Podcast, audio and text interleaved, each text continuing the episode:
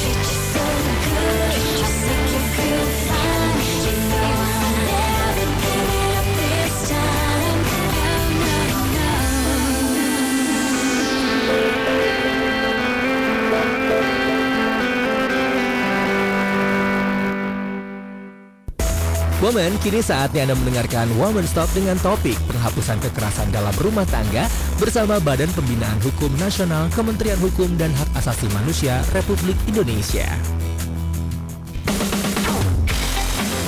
Hari ini kita temanya agak serem dikit. eh, kok serem Ada sih? hukum-hukumnya. Ini ini sebuah topik yang penting ya, woman Kita ya. akan coba akan tahu banyak nih masalah hukum Newton, hukum Bukan, bukan, berhubungan. bukan, bukan, bukan yang itu. Ini kita lagi eh, akan ngobrol tentang topik penghapusan kekerasan dalam rumah tangga. Hmm. Ini berdasarkan Undang-Undang Nomor 23 Tahun 2004. Nah, makanya di studio hari ini kita eh, akan ngobrol-ngobrol. Ini di bawah payung, c, di bawah payung, di bawah payung Badan Pembinaan Hukum Nasional Kementerian Hukum dan Hak Asasi Manusia Republik Indonesia ya. Di studio bareng Lia dan Yasar sudah ada Mbak Das N Lailatul Husna SH, penyuluh hukum ahli media. Selamat pagi Mbak. Selamat pagi Mbak Lia. Ini ini manggil, panggilnya Mbak kayaknya kalau Mbak Das itu kayak gimana gitu ya. jadi jadi manggilnya Udah saja deh. oh Budas aja. Iya. Pakai aja sama kayak Lia berarti ya. Kalau kamu emang gak ada pilihan. Lia aja iya. gitu ya. Orang tua kamu lagi melestasi nama waktu itu. Ah, beli aja deh gitu. Budas. Di sebelahnya Budas ada juga nih ini jangan-jangan ini panggilannya sama nih kayak Lia nih karena nama lengkapnya Yulia Wiranti SH CNMH penyuluh hukum ahli media juga. Selamat pagi Bu Lia. Selamat pagi Mbak Lia. Tuh kan? Atau Ya, biar enak kita panggilnya kan? Bu MH aja gimana? Nggak enak ya. Bu MH. Nah ini eh, Bu Lia dan Budas Kayak mau manggil nama aku sendiri ya Kenapa aku nggak MH dulu ya Ya sudahlah ya Masih ada waktu sih kalau untuk untuk eh, Kamu kuliah lagi. Cuman PSI Psikopat maksudnya. enak aja. Nah ini kalau kita bicara tentang kekerasan dalam rumah tangga nih ya, Eh, kan kita tahu bersama ya, woman ya, bahwa kekerasan dalam rumah tangga itu adalah masalah internal atau biasa orang mengatakannya adalah urusan domestik gitu ya. Tapi memang eh, waktu masalah ini diatur oleh undang-undang yaitu undang-undang penghapusan kekerasan dalam rumah tangga, ini sebenarnya apa sih yang yang kalau kita flashback gitu ya, apa sih yang melatar belakangi pembentukan Undang-Undang Nomor 23 Tahun 2004 tentang penghapusan kekerasan dalam rumah tangga ini. Bu Des? Ya, baik Mbak eh, Lia ya.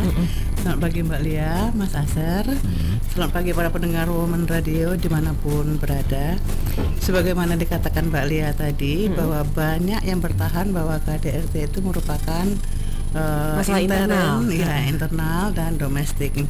Namun untuk menghilangkan anggapan tersebut, negara telah membentuk Undang-Undang Nomor 23 Tahun 2004 tentang penghapusan eh, kekerasan dalam rumah tangga yang melatar belakangi negara berpandangan bahwa segala bentuk kekerasan, terutama kekerasan dalam rumah tangga, adalah pelanggaran hak asasi manusia Oke. dan kejahatan terhadap martabat kemanusiaan serta untuk eh, dalam bentuk diskriminasi ya.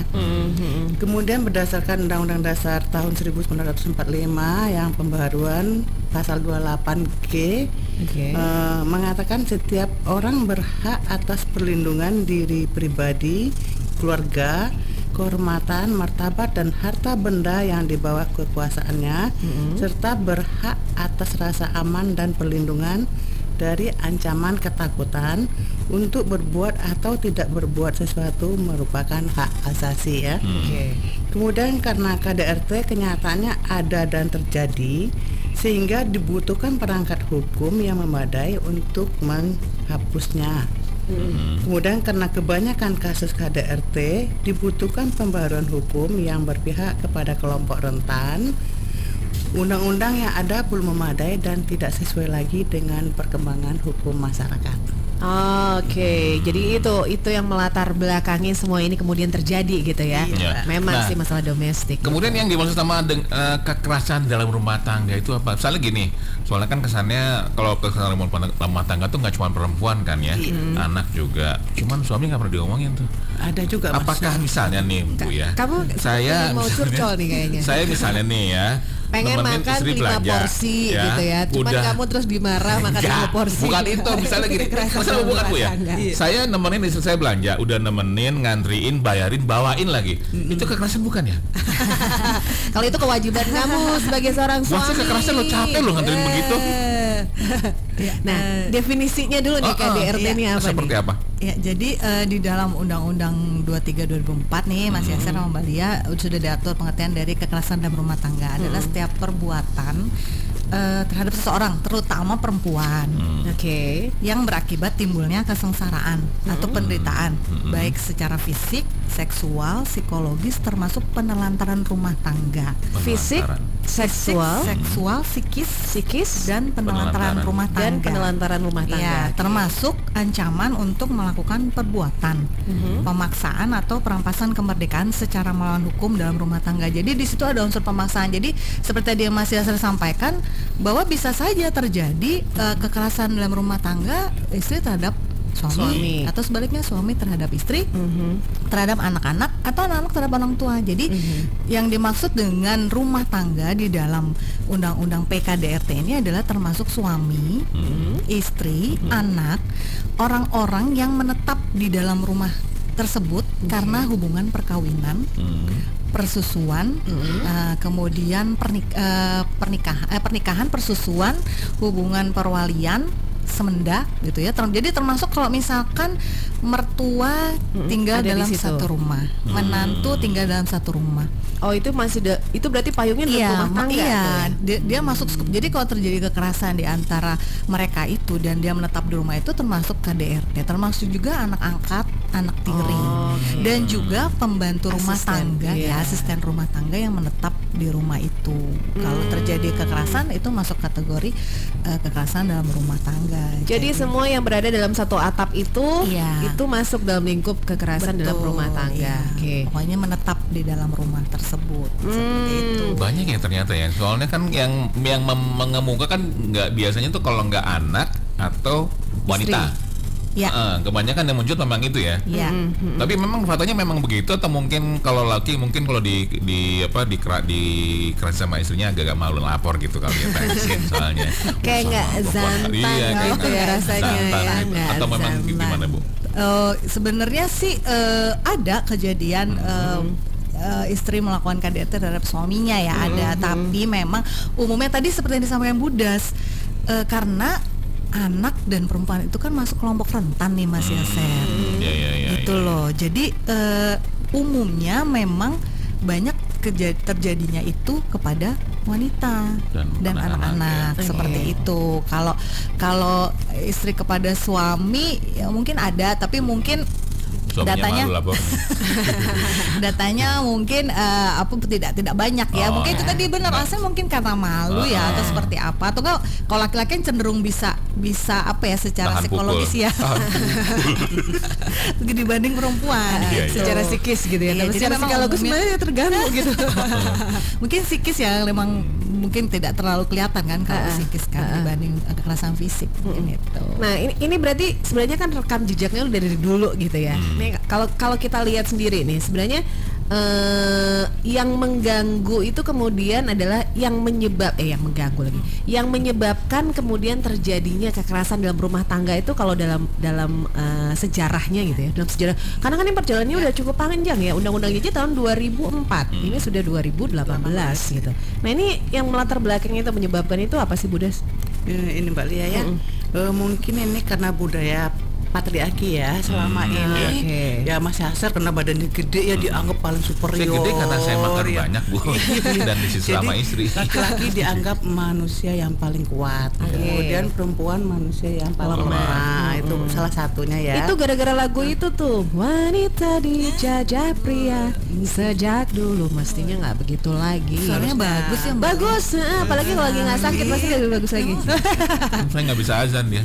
ah, ya iyalah orang aku perempuan. Dan Budas, Kemudian? juga ajaran pemahaman keliru terhadap ajaran agama. Selama ini kan eh, perempuan harus eh, memang manut ya manut ya dalam masalah agama, tapi eh, imam dalam rumah tangga istri harus begini harus begini harus ikut suami kalau enggak berdosa ini. Iya. Tapi kan kita sekarang ada kesetaraan. Di agama Iya. juga tidak harus Siti Khadijah juga gak gitu kan. Siti Khadijah juga nyari uang ke keluar dan juga eh, mengasihkan penghasilannya kepada benar Nabi Muhammad juga kan. Jadi agama itu tidak eh, mengharuskan bahwa pria kita tuh harus eh, tunduk yang tunduk maaf. buta gitu ya. Nah, itu yang dari jajaran agama ya Mbak ya. Kemudian eh, proses eh, anak meniru orang tua yang kasar. Jadi eh, Oh, oke. bapaknya kasar kepada ibunya atau ngomong kasar eh, kata Mbak Lia tadi ada psikis kan. Bapaknya ngatakan ibunya bodoh lah.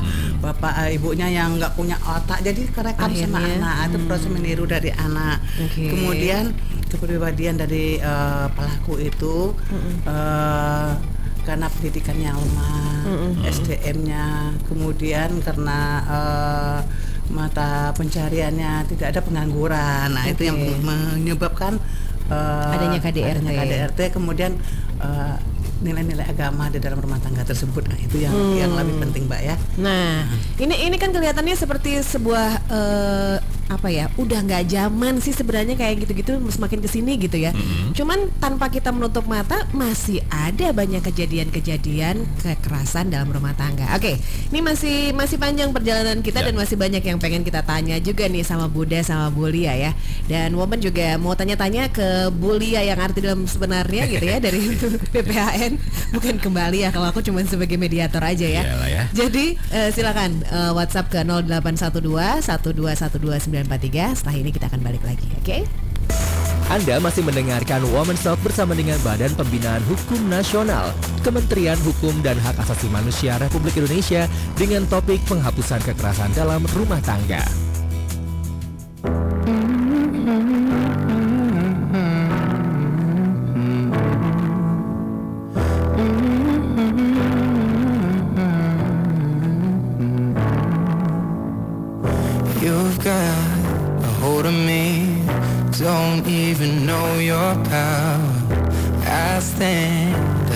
Feet, but I fall when I'm around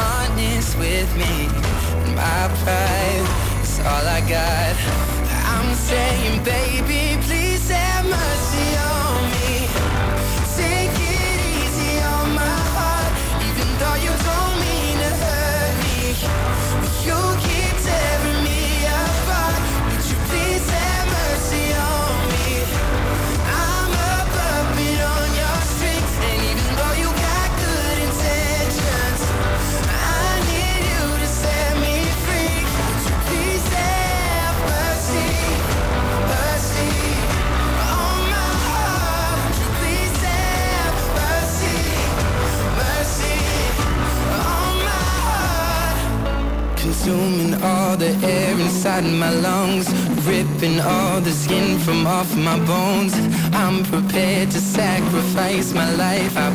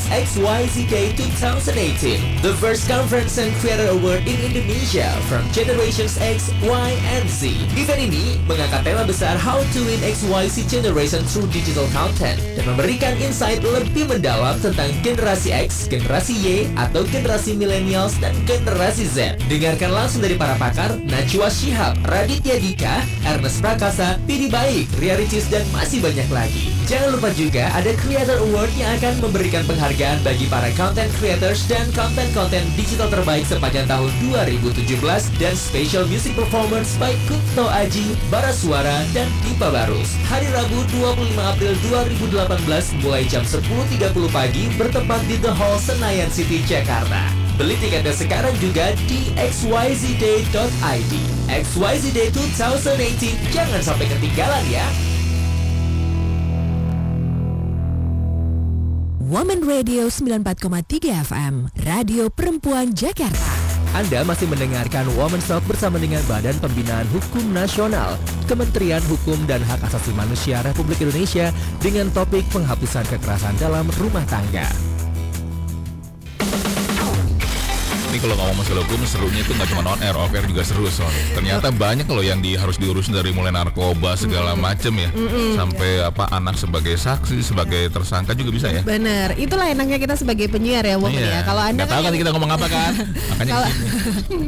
kalau anda kan masih eh, kalau anda lagi kalau woman kan masih masih ke ganjel tuh sama lagu sama iklan yang kita puterin Kalau gitu kita kan ya terus. kita mah terus ya kita nggak sia-siakan bodas dan bulia di sini mumpung lagi di sini ya. Nah, bicara masalah kekerasan dalam rumah tangga, kira-kira apa aja bentuk kekerasan dalam rumah tangga yang diatur dalam undang-undang tersebut dan apa dampaknya kalau terjadi KDRT baik terhadap korban ataupun kepada anak-anaknya? nah Ya, eh, jadi di dalam undang-undang PKDRT itu ada beberapa jenis kekerasan Mas Yaser yang diatur. Yang pertama kekerasan fisik. Kekerasan fisik itu berarti otomatis terjadi eh, penyiksaan secara fisik ya. Kekerasan terhadap fisik. Jadi misalnya memukul, menendang, tuh jangan sampai Mas ya gitu. Yang mengakibatkan rasa sakit, jatuh sakit, luka berat. Jadi secara physically itu bisa terlihat lah ya. Dan biasanya nanti kalau si korbannya itu mengalami kekerasan fisik, eh, dia harus visum kan berarti Hmm, iya. gitu ya untuk untuk bukti ke kepolisian. Kemudian yang kedua kekerasan psikis. Kekerasan psikis itu lebih kepada tindakan penyiksaan secara verbal. Jadi misalnya menghina Penghinaan. ya Oh, betul oke. menghina berkata kasar dan kotor itu tadi yang budas kalau orang tua biasa di dalam rumahnya misalkan sedang bertengkar pasangan suami istri terus kemudian kata-kata kebun binatang gitu Hmm. keluar Pada bermunculan pada gitu bermunculan ya. tuh Hmm. jangan sampai kalau bisa anak jangan sampai tahu dan mendengar dan melihat karena itu nanti eh, bisa meniru kan nah itu jadi akhirnya eh, dia tidak pernah mendapatkan penyiksaan misalnya si korban KDRT ini di dalam rumah tangga baik suami maupun istri tapi secara psikis kan gitu ya eh, dihina berkata kasar kan lama-lama kan stres juga Iya, ya mas betul. ya gitu nah akhirnya bisa mengakibatkan ketakutan Hmm. hilangnya rasa percaya diri hilangnya kemampuan untuk bertindak Hmm. tidak berdaya. Nah, bisa jadi kalau udah stres trauma gitu kan terus biasanya bunuh diri kan akhirnya Oh, kan iya. banyak kejadian Iya, iya, seperti betul, itu betul. Iya, gitu kan. Tuh, itu masuk kekerasan psikis. Kemudian yang ketiga kekerasan seksual. Jadi pemaksaan hubungan seksual terhadap orang yang menetap di dalam rumah tangga tersebut. Ya bisa suami kepada istri maupun sebaliknya atau malah mungkin eh, maaf terhadap anaknya sendiri kan suka Ah. ada kan. Iya. Nah, itu masuk atau ke Kasusnya rumah tangga itu. segala Ya, macam pokoknya betul. tadi ada dalam satu atap Nah, itu tadi iya, ya Hmm. Tapi termasuk juga pemaksaan hubungan seksual terhadap orang di dalam rumah tangga itu dengan orang lain. Oh Ya, dengan tujuan komersial dan Oh, atau oke. tujuan tertentu. Jadi bukan misalnya hanya tadi di dalam satu atap Iya. itu tapi di luar itu juga iya, termasuk. termasuk. Jadi dia memaksakan hubungan seksual, misalkan suami memaksakan istrinya untuk maaf berhubungan apa menjadi pekerja pekerja seks komersial atau me- menyuruh anaknya untuk menjadi pekerja seks. Nah, itu tadi kan seperti yang Bunda sampaikan, faktornya kan karena latar latar belakang ekonomi. ekonomi Iya. Itu sangat rentan juga memang terjadi KDRT. Terus kemudian yang keempat penelantaran rumah tangga. Jadi Jadi suami gitu suami ya. mempunyai kewajiban untuk memberikan nafkah kepada istri dan anak-anaknya itu tidak dilakukan. Gitu eh, selama ya kurun waktu tertentu lah. Kalau nggak salah sekitar sampai maksimal tiga tahun lah tiga tahun itu itu itu termasuk kategori penelantaran rumah tangga. Dan tidak memberikan kesempatan kepada istrinya untuk eh, membantu mencari nafkah gitu jadi akhirnya kan jadi ketergantungan nih Eh, si istri. istri. Nah, akhirnya ketergantungan yang yang sangat kepada suami tapi suami tidak pernah memberikan nafkah itu termasuk kategori penelantaran rumah tangga gitu. Nah, kadang kadang-kadang kan eh, bukan kadang-kadang sih.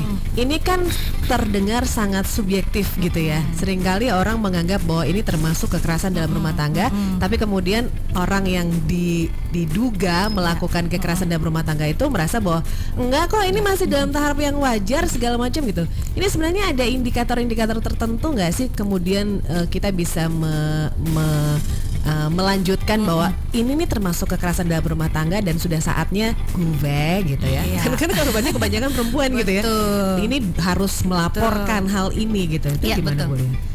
Budas. Oh ya, ya, ah, Oke. oke.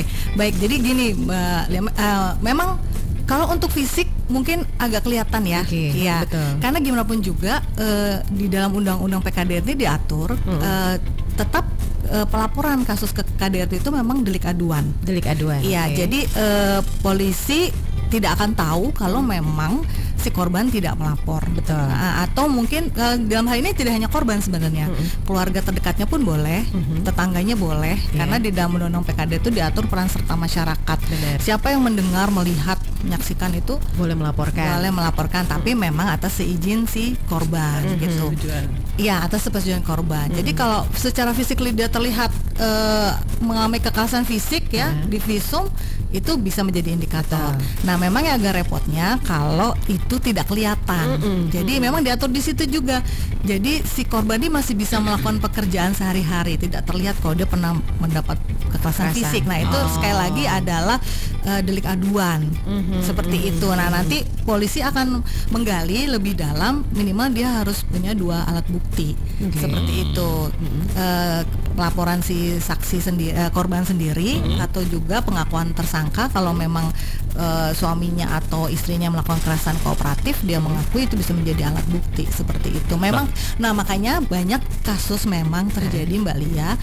Kasus-kasus KDRT itu tidak eh, ban- eh, j- maksudnya gini eh, tidak sampai banyak dilaporkan ke, ke, ke kepolisian. Karena apa? Karena itu tadi eh, apa ma- eh, malu, malu, apalagi kalau misalkan si suaminya yang mau dilaporkan nanti istrinya ketergantungan nanti kalau suami saya dilaporkan suami saya di penjara Dihukum. saya Gimana? siapa yang menafkahi Kepada menggantung kepada siapa iya, gitu kan akhirnya ya? banyak kasus juga di kepolisian dicabut Oh, mbak Oke. Ca- laporannya itu hanya dicabut Mhm. nah jadi akhirnya berjanji misalkan suaminya Nggak akan Ah, nggak lagi mengulang lagi itu dicabut akhirnya banyak kasus seperti itu tapi banyak juga yang dilaporkan tapi akhirnya ujung-ujungnya memang kepada perceraian Nah. seperti itu Soalnya kan saya hobinya nonton ini nih, Bu, apa namanya law, law and order, tahu nggak? Oh ya. Itu banyak kasus tuh, misalnya eh, ada kasus eh, pemukulan, kekerasan, tapi si korban enggan melaporkan. Akhirnya ada pihak lain yang memaksa dia untuk melaporkan. Nah, kalau di sini dimungkinkan nggak ya untuk kantorin? Jadi dia nggak mau ngelapor karena eh, biasanya orang kalau kekerasan cenderung berulang kan ya, nggak mungkin sekali.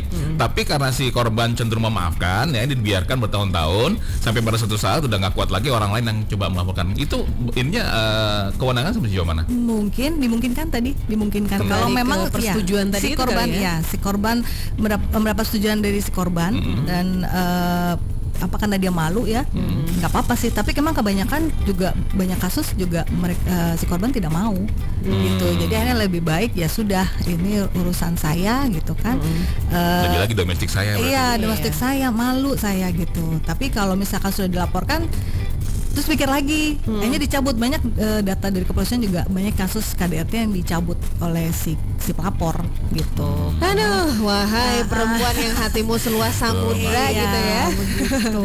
Tapi nggak gitu juga sih ya. Nah ini ini berarti kan sebenarnya dari kalau sebagai korban KDRT gitu kita punya hak-hak tertentu dalam hal ini gitu. Ini kalau bisa di mention nih hak-hak apa aja nih yang dimiliki oleh korban KDRT nih Budas? Eh, ini ya bila terjadi KDRT di rumah tangga, ini eh, korbannya akan mendapatkan perlindungan dari pihak keluarga. Oke. Ini yang paling utama nih dari keluarga. Keluarga harus melindungi karena eh, tanpa ada campur tangan keluarga, si korban nanti akan fisikisnya akan makin tinggi. Oke. Kemudian dari kepolisian, dari kejaksaan, pengadilan, advokat, lembaga sosial dan pihak lainnya, baik sementara maupun berdasarkan penetapan dari pengadilan. Jadi ya, setiap tahap-tahap pemeriksaan dari mulai dari penyidikan, penuntutan sampai putusan hakim itu eh, eh, korban mendapat hak-haknya Ada hak-haknya. hak-haknya. Oke. Kemudian mendapat pelayanan kesehatan sesuai dengan kebutuhan medis. Nanti kan ada visumnya ya Mbak ya. Jadi eh, yang eh, Korban fisik korban misalnya fisik itu gitu. Hmm. harus eh, mendapat pelayanan medis di rumah sakit polisi ya. Aha. Rumah sakit polisi. Nah, di situ sudah ada eh, RPK khusus ruang pelayanan khusus untuk korban KDRT Oh, dan di sana kepada ibu-ibu yang mengalami korban KDRT itu poluan yang melayaninya. Nah, bukan pak polisinya. Oke. jadi polisi wanita yang melayani. Jadi eh, si ibu bisa menyampaikan Lebih nyaman lebih nyaman gitu ya. menyampaikan apa permasalahannya.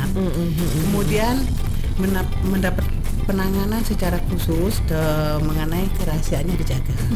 Kerahasiaannya dijaga benar supaya ibu selama ini kan takut nanti kena di domestik Iya. diumbar di luar. Ha-ha. jadi mereka menjadi malu. Ah, ini di sini dijamin kerahasiaannya itu hak-haknya rahasianya dijamin. Kemudian mendapat pelayanan bimbingan rohani. Nah ini ini lebih khusus lagi itu harus eh, di sini kan kita ada LSM. Betul. LSM itu ada eh, rumah singgah, rumah aman, rumah aman bukan rumah singgah ya rumah aman. Rumah aman. Nah di sana mereka di kalau di rumahnya suami eh, wo- Merasa terancam merasa gitu terancam. Jadi LSM itu biasanya itu yang yang eh, sering kita dengar Women Crisis Center. Ah. Nah di sana mereka sudah punya rumah aman, mereka ditempatkan di situ sementara. Hmm. Di sana juga di ada pelayanan medis dan pelayanan rohaninya mereka dibina di sana. Itu Hmm. hak-haknya Mbak Ile ya. Mm-mm.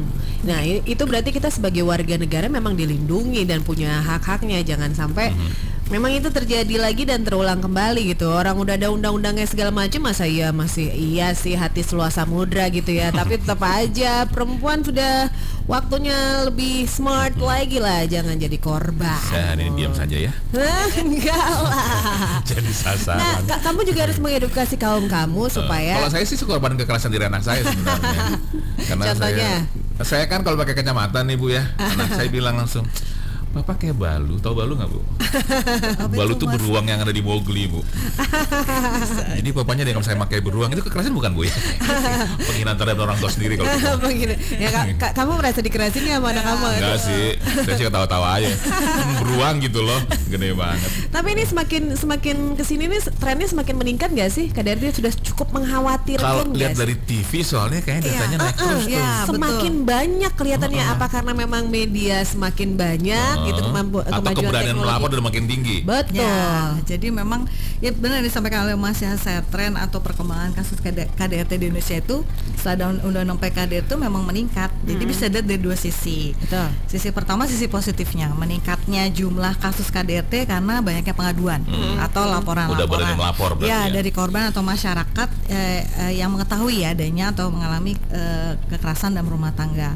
Jadi di situ dianggap eh, masyarakat atau korban sudah menyadari hak dan kewajibannya bahwa saya harus melapor. Ini ini bukan lagi ranah domestik, ya gitu. Ini sudah negara harus campur tangan untuk memberikan tadi jaminan keamanan kan, eh, Iya. pelanggaran HAM kan untuk mencegah itu dan menjaga harkat dan martabat. Karena tadi yang disampaikan Budas di awal kan Undang-Undang Dasar kita meng- mengatur itu loh dua, pasal 28G eh, ayat 1 ya Budas ya gitu bahwa setiap eh, warga negara mempunyai hak harkat dan martabat yang wajib dilindungi untuk untuk keamanannya dia itu. Dulu Jadi- waktu SD hafal tuh yang kayak gitu. Iya makanya Ikut kuis ya. ikut lomba Ikut kadar lomba, Itu empat tahun sekali tapi. Aja, saya tahu. Padahal tadi dikasih infonya. Iya, itu jadi eh, eh, trennya bisa dilihat dari dua sisi, dua sisi. positifnya itu. Jadi masyarakat sudah menyadari hak dan kewajibannya. Tapi bisa juga dilihat dari sisi negatifnya berarti kasus-kasus KDRT masih banyak terjadi di masyarakat ya gitu. Seperti itu gitu. Jadi kita bisa lihat dari dua tren itu. Eh, eh, karena itu tadi kendalanya eh, dia melapor bisa jadi kadang tidak cukup bukti. Ya, kalau tidak cukup bukti kan polisi juga tidak akan bisa melanjutkan prosesnya kan, apalagi seperti yang tadi disampaikan Mbak Lia ditanyakan kalau dia eh, tidak indikatornya apa sih? Kan agak sulit ya karena memang delik aduan itu Betul. gitu. Kecuali kalau memang udah lebam seperti itu kan dan di visum memang ini dari kekerasan kan bukan karena menyiksa diri itu kan kelihatan kalau dari visum. Tapi kan kalau dia tidak kelihatan psikis terutama ya sis- psikis yang belum sampai depresi banget itu kan juga agak sulit ya eh, delik ya apa peng- eh, alat Untuk buktinya. ya untuk gitu buktinya ya. itu Tapi kalau tren antara kasus terhadap anak sama kepada terhadap wanita lebih tinggi mana sih bu belakangan ini?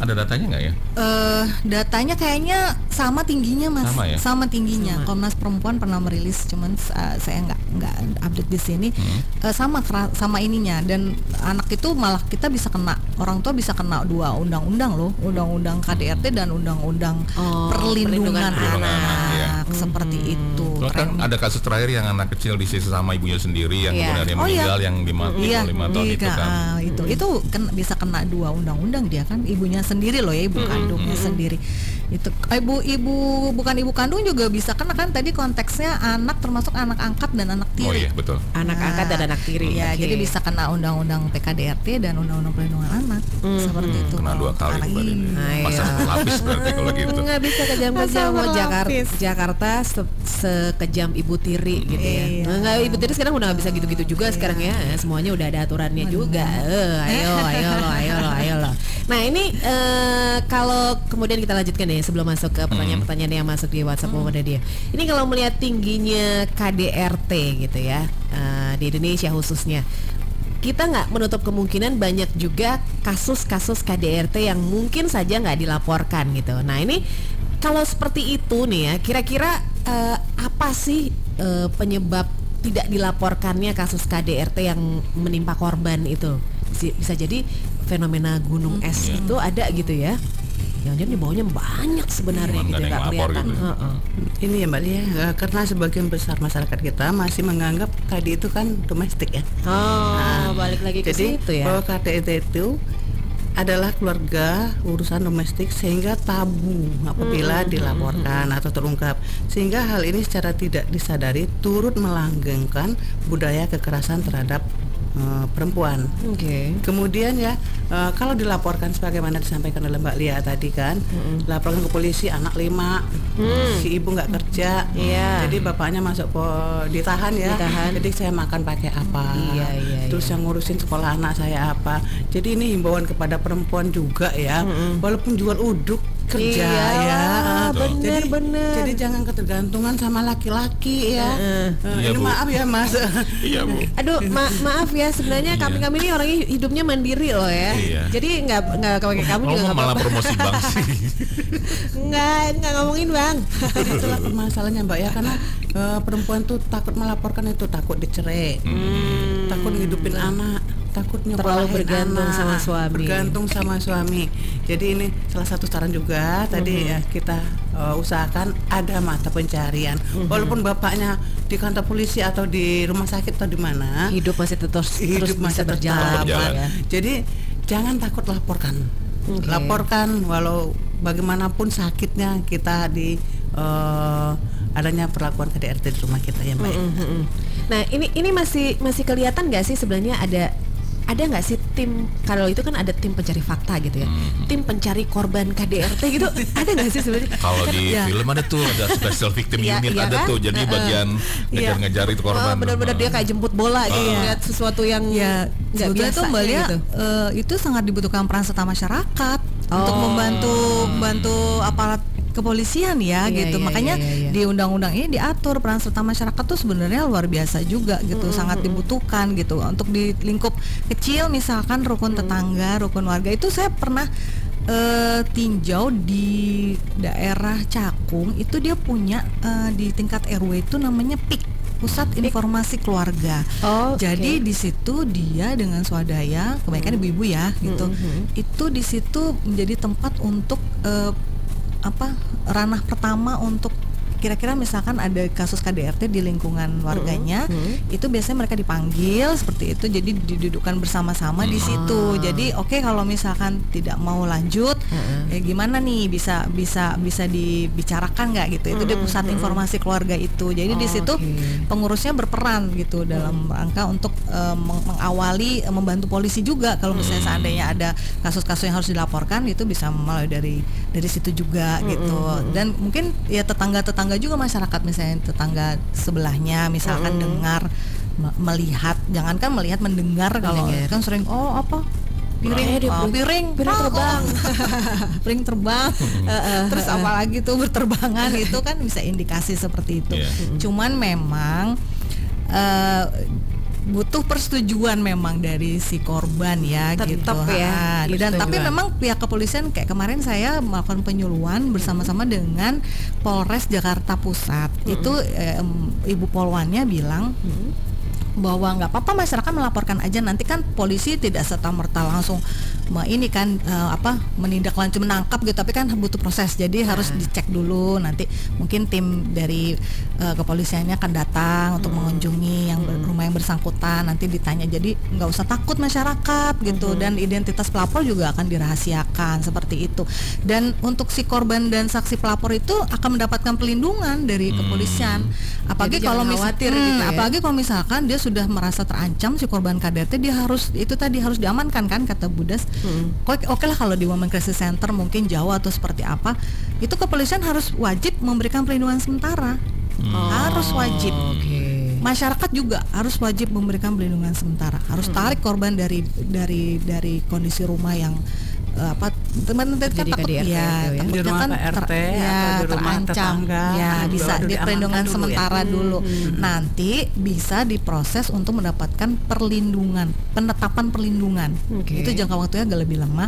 Itu minta penetapan ke uh, pengadilan. Mungkin itu prosedurnya di Undang-Undang PKDRT. Kalau uh, pelaku KDRT itu uh, uh, ada yang pernah dihukum nggak sih bu? Misalnya kalau dihukum berapa tahun gitu? Ada. Ya ada, ada, ada Mas. Apalagi kalau kor- ya itu kan mungkin kasus yang tadi Mas sampaikan membunuh anaknya kan masuk ke KDRT juga kan. Itu kan ditindaklanjuti kan sama pihak kepolisian Ada kan. Iya, ya. Eh, cum- eh, pasti ada, pasti ada. Cuman ya itu tadi Pak eh, Mas Yaser selama buktinya mencukupi bisa ditindaklanjuti untuk diproses eh, sebetulnya Bisa akan diproses proses ya. dan dan bisa jadi misalkan seperti ini ternyata suaminya ini mengalami depresi yang hebat kan. Hmm. itu bisa jadi eh, bentuk sanksinya itu dia akan mendapatkan eh, konseling jadi ditempatkan di Hmm. pusat-pusat konseling misalnya dia depresi ya apa karena pengangguran atau seperti apa itu bukan suatu bentuk tindak pidana harus dimasuk penjara. Tidak juga tapi bisa mendapatkan konseling nanti putusan hakimnya tuh bisa seperti itu iya itu. Oke, ntar kita lanjutin lagi Bu Lia dan Bu Das dan Woman pertanyaan-pertanyaan yang masuk di uh, WhatsApp Woman Radio di 0812121293 juga nanti akan kita coba bahas walaupun mungkin tidak, tidak semuanya karena kita juga sepertinya masih punya banyak pertanyaan nih mewakili Termasuk misalnya kalau nanti semua. kejadian ngadunya ke mana? Nah, kita harus bahas itu ya. gitu ya. Oke, tunggu setelah ini ya. Anda masih mendengarkan Woman Talk bersama dengan Badan Pembinaan Hukum Nasional, Kementerian Hukum dan Hak Asasi Manusia Republik Indonesia dengan topik penghapusan kekerasan dalam rumah tangga.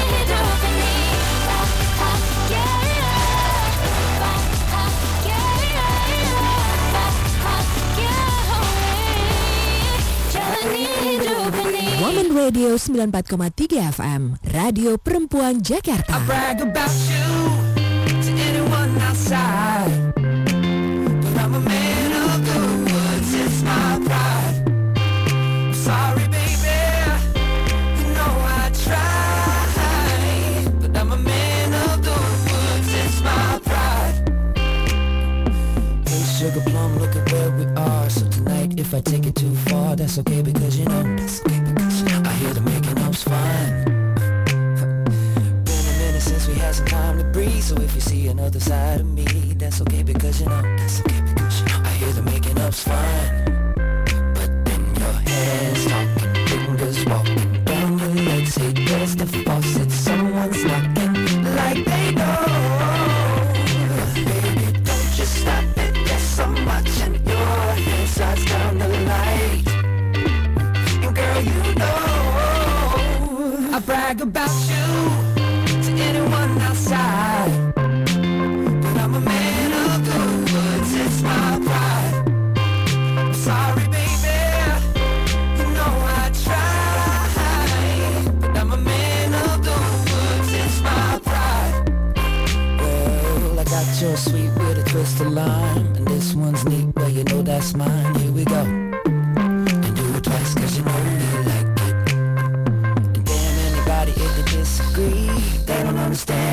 Like me. They don't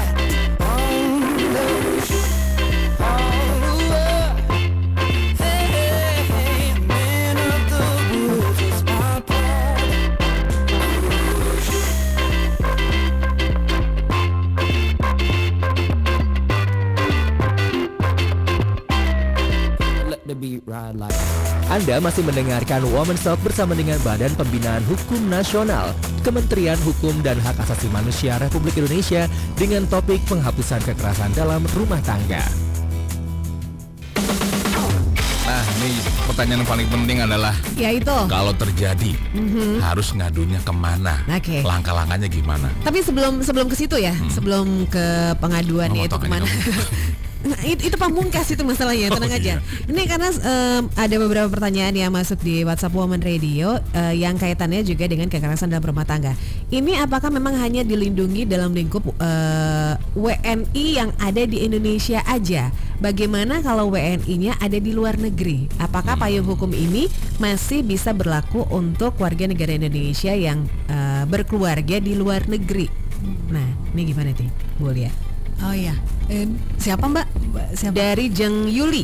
Jeng Yuli. Jadi kalau sebatas dia seorang WNI, ya berarti kan masih statusnya warga negara Indonesia. Betul. Nah, itu bisa bisa menjangkau itu, kecuali kalau dia sudah menjadi WNA kan, Oke. dan tanahnya sudah di luar negeri seperti itu. Oh, Iya, bisa ya. iya. Berarti eh, kalau dia WNI tapi kemudian dia eh, keluar apa rumah tangganya itu ada di luar Indonesia itu tetap Iya, bisa sebatas melaporkan? sebatas begini, sebatas eh, di hukum sana itu eh, apa tidak mengatur ya, tidak mengatur dalam arti Oh, ya tidak mengatur dalam arti eh, bo- boleh saja hukum-hukum eh, nasionalnya yang berlaku karena dia masih masih sebagai WNI kan gitu ya seperti itu. Jadi dia bisa bisa Iya. melaporkan Ha-ha, gitu ya. Bisa. Oke. Kan di sana ada eh, kedutaan terus kemudian ada apa? eh, konjen gitu-gitu ya Uh-huh. seperti itu. Jadi bisa bisa ditindak tetap terlindungi gitu. Iya, gitu. Karena karena gini Mbak, eh, kita kan punya program bantuan hukum itu juga bisa menjangkau eh, WNI yang ada di luar negeri untuk untuk apa para eh, pekerja-pekerja apa Hmm, yang di luar iya, iya, negeri iya. itu. Jadi otomatis memang kalau dia men- men- ada kasus KDRT di sana eh, bisa gitu. Dan itu apakah berlaku sebaliknya juga kalau umpamanya eh, kan sekarang ada ya WNI yang menikah dengan WNA. Tapi statusnya yang satu masih WNI, yang satu juga masih WNA gitu. Tapi kalau umpamanya WNA-nya tinggal di sini menikah dengan WNI, nah apakah ini di- dia juga punya eh, hak untuk Bisa, Bisa bisa, ya? bisa, bisa kan dia tinggal di sini. tinggal di Indonesia? Iya, tinggal di Indonesia dan dan si misalkan WNA-nya yang melakukan kekerasan dalam rumah tangga pada istrinya yang WNI, ya bisa, Bisa, bisa, bisa dilaporkan. Bisa. Kalau umpamanya WNA-nya yang menjadi korban menjadi korban bisa kan dia ada di wilayah di Indonesia. Oh, iya. oke. Tetap masalah. dilindungi Iya, oleh tetap dilindungi. Indonesia. Iya. Wilayah- Soalnya kalau enak wilayah deportasi.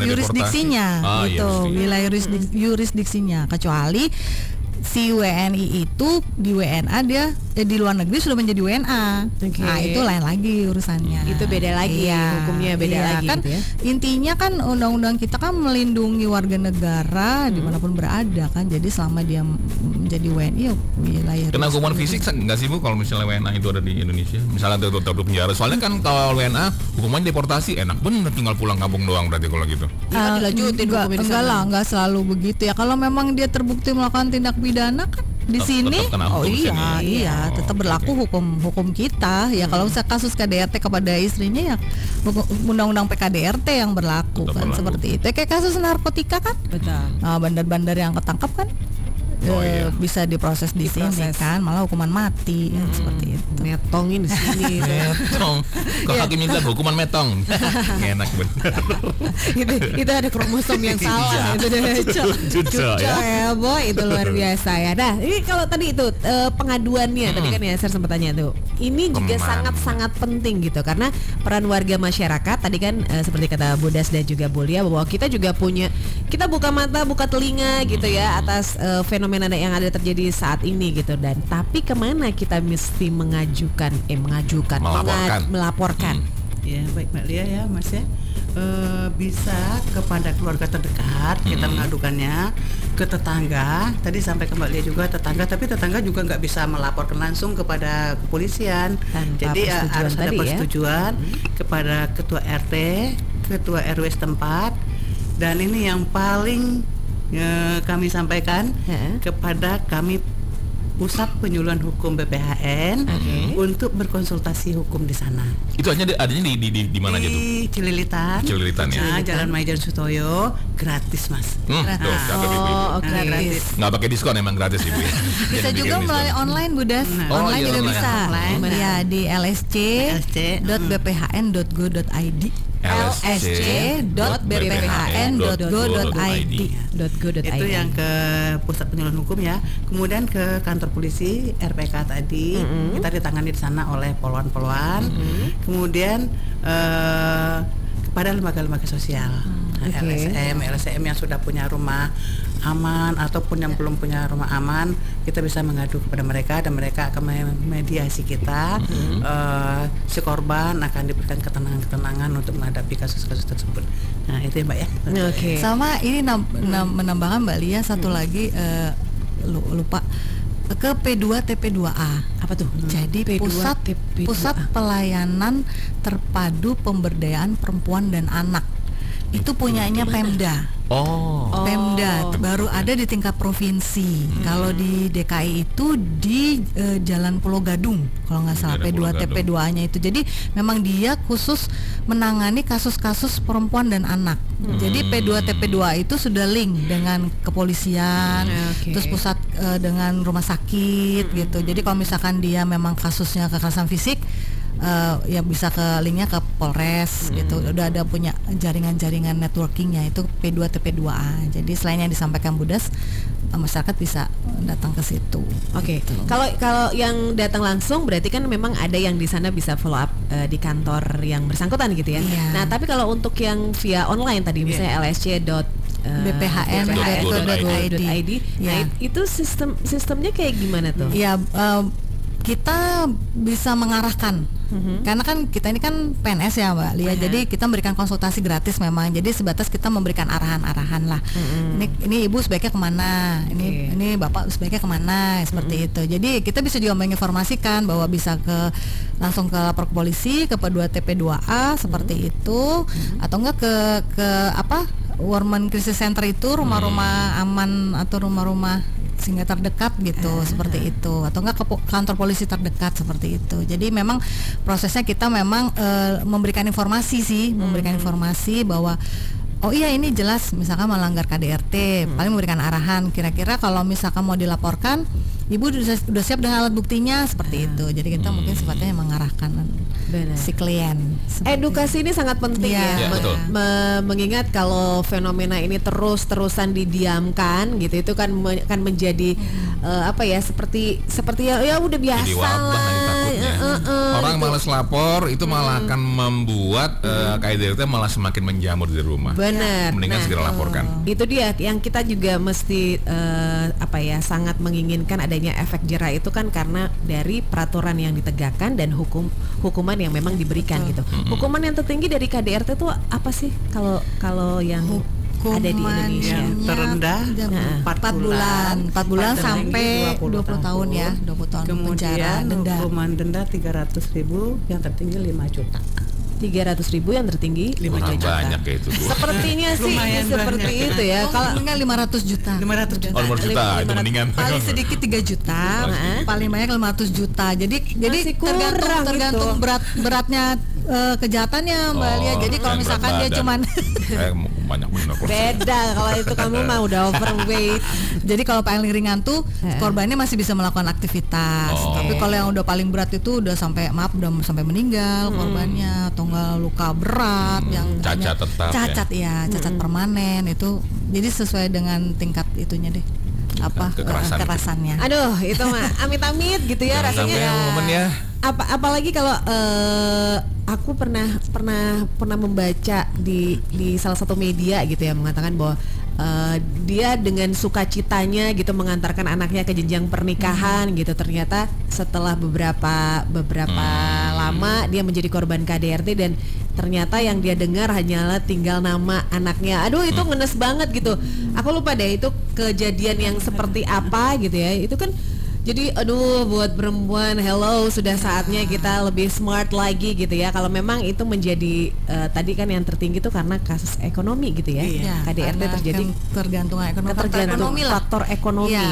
Nah, sudah saatnya lah sekarang Iya. kita bangkit gitu. Heeh, iya, kerja ya Hmm, Des, Satu ya. itu. hmm. menganggur kan stres akhirnya su- istrinya jadi samsak Iya. kan Eh, mungkin kan istrinya mungkin mana belanja gitu kan Ah, ah. bulanan gitu kan mungkin Ah, ah. stres juga kali Sama Iya. ini peran serta masyarakat misal ternyata Anda mengetahui Ya. tetangga ada yang seperti itu, nggak boleh ngelapor minimal Anda bisa temani Hmm. Nah. diskusi baru kemudian diantarkan ke yang berwajib ya untuk Betul. melaporkan ya. Jadi apa nih yang bisa kita lakukan untuk meminimalisir kemudian jangan lagi ini menjadi Ada kasus-kasus baru. Ah, ah, betul sekali. Iya, jadi diperlukan pemenuhan tanggung jawab bersama nih dalam membina rumah tangga.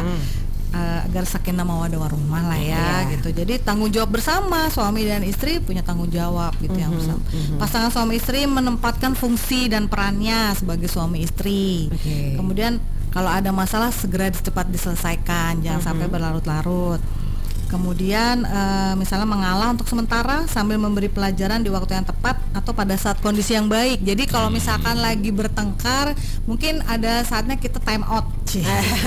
Break dulu break. Break, Break dulu, dulu. break dulu ya. Iklan dulu baru. cooling down dulu, cooling down dulu gitu. Jadi jangan jangan apa eh, kondisi ya kondisi Gitu ya. emosi. Kemudian ah, meningkatkan keimanan dan melakukan ibadah. Agama secara rutin dan bersama, menciptakan komunikasi yang harmonis antara suami istri serta seluruh anggota keluarga. Oke. Kemudian eh, ya mensosialisasikan undang-undang PKDRT ini bahwa eh, jadi eh, rambu-rambunya lah. Eh, kalau aku mukul istriku, wah, aku bisa kena KDRT nih gitu.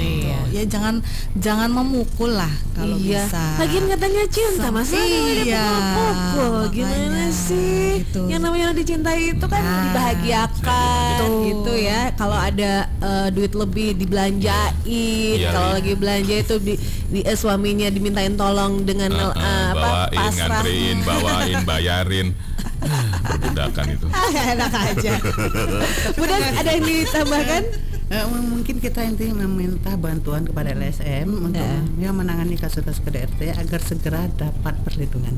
Ah. Jadi kita kan udah eh, LSM udah membuka diri untuk membantu korban-korban KDRT. Nah, itu. Ada dia. kemauan yang penting momen ya. Betul sekali. Bu Lia thank you banget sudah ngobrol-ngobrol di studio. Bu Das juga thank Sama-sama. you banget. Kapan Iya, kita Mas ngobrol Yasser. lagi dengan teman-teman yang lain juga Bu ya. Ini penting soalnya cuma ini kan ya. Siap. Siap. Dan ini patut di apa ya, di reminder terus gitu ya supaya memang kita sendiri juga aware dengan hal ini Ya. gitu ya. Betul. Karena ini adalah fenomena yang ada di sekitar kita. Ya, Kita nggak bisa berdiam betul. diri. Ya, gitu mungkin kan ya. juga banyak masyarakat juga yang belum tahu mungkin Betul. adanya undang-undang Iya. PKDRT. Makanya talkshow-nya jangan cuma sekali Bu. Iya, betul. Benar juga ya. Memang betul, harusnya tidak hanya cuma sekali. Ah, ah, jadi continue gitu ya. Oke, kita tunggu obrolan-obrolannya lagi ya. Thank you sekali lagi. Ya. Salam buat teman-teman di BPHN ya. ya. Sama-sama. Sepertinya yang pamit bukan cuma Bu Lia sama Saya Bu juga. Das. Betul sekali. Lia juga pamit dulu ya woman ya. Besok kita ketemu lagi ya insya Allah ya. Oke deh. Bye. Bye. Terima kasih sudah mendengarkan Women's Talk dengan topik penghapusan kekerasan dalam rumah tangga. Semoga tingkat kekerasan dalam rumah tangga di Indonesia bisa lebih turun lagi. Women's Talk dipersembahkan oleh Badan Pembinaan Hukum Nasional, Kementerian Hukum dan Hak Asasi Manusia Republik Indonesia. Radio Perempuan Jakarta.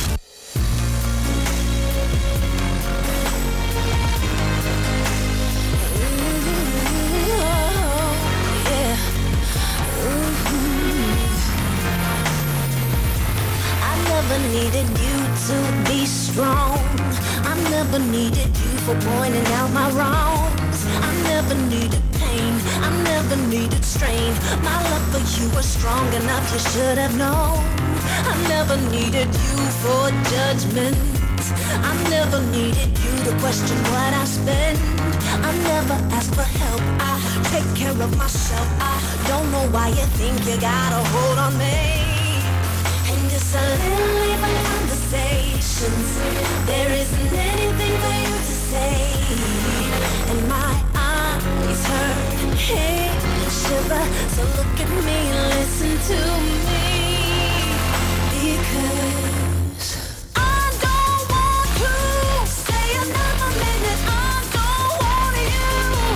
single word. Hush, hush, hush, hush.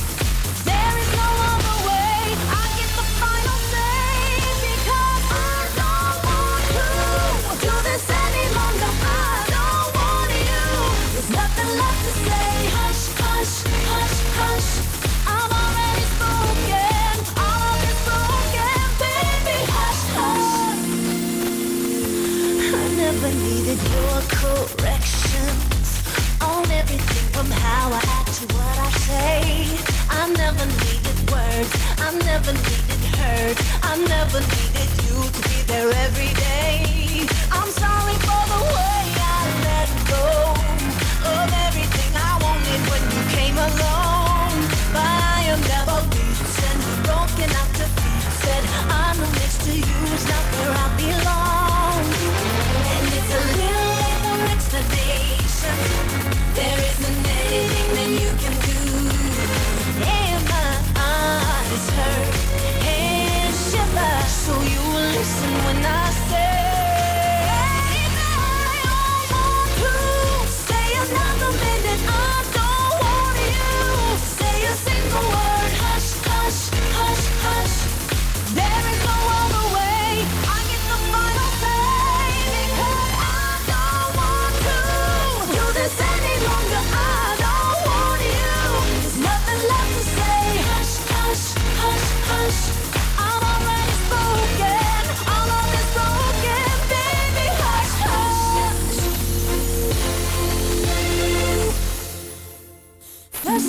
I was petrified. Kept thinking I could never live without you by my side. But I spent oh so many nights thinking how you did me wrong, but I grew strong.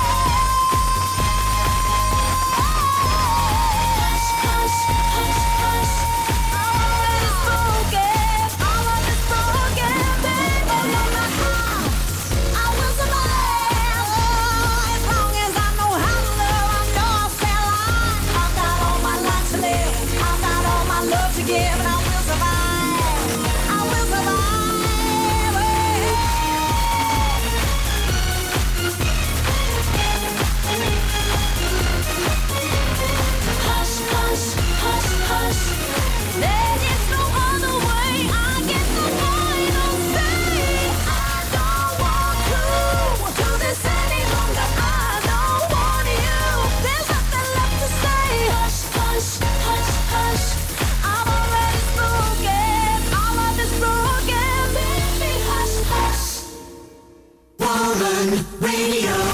Radio Perempuan Jakarta. Woman's Jukebox. Non-stop music mix.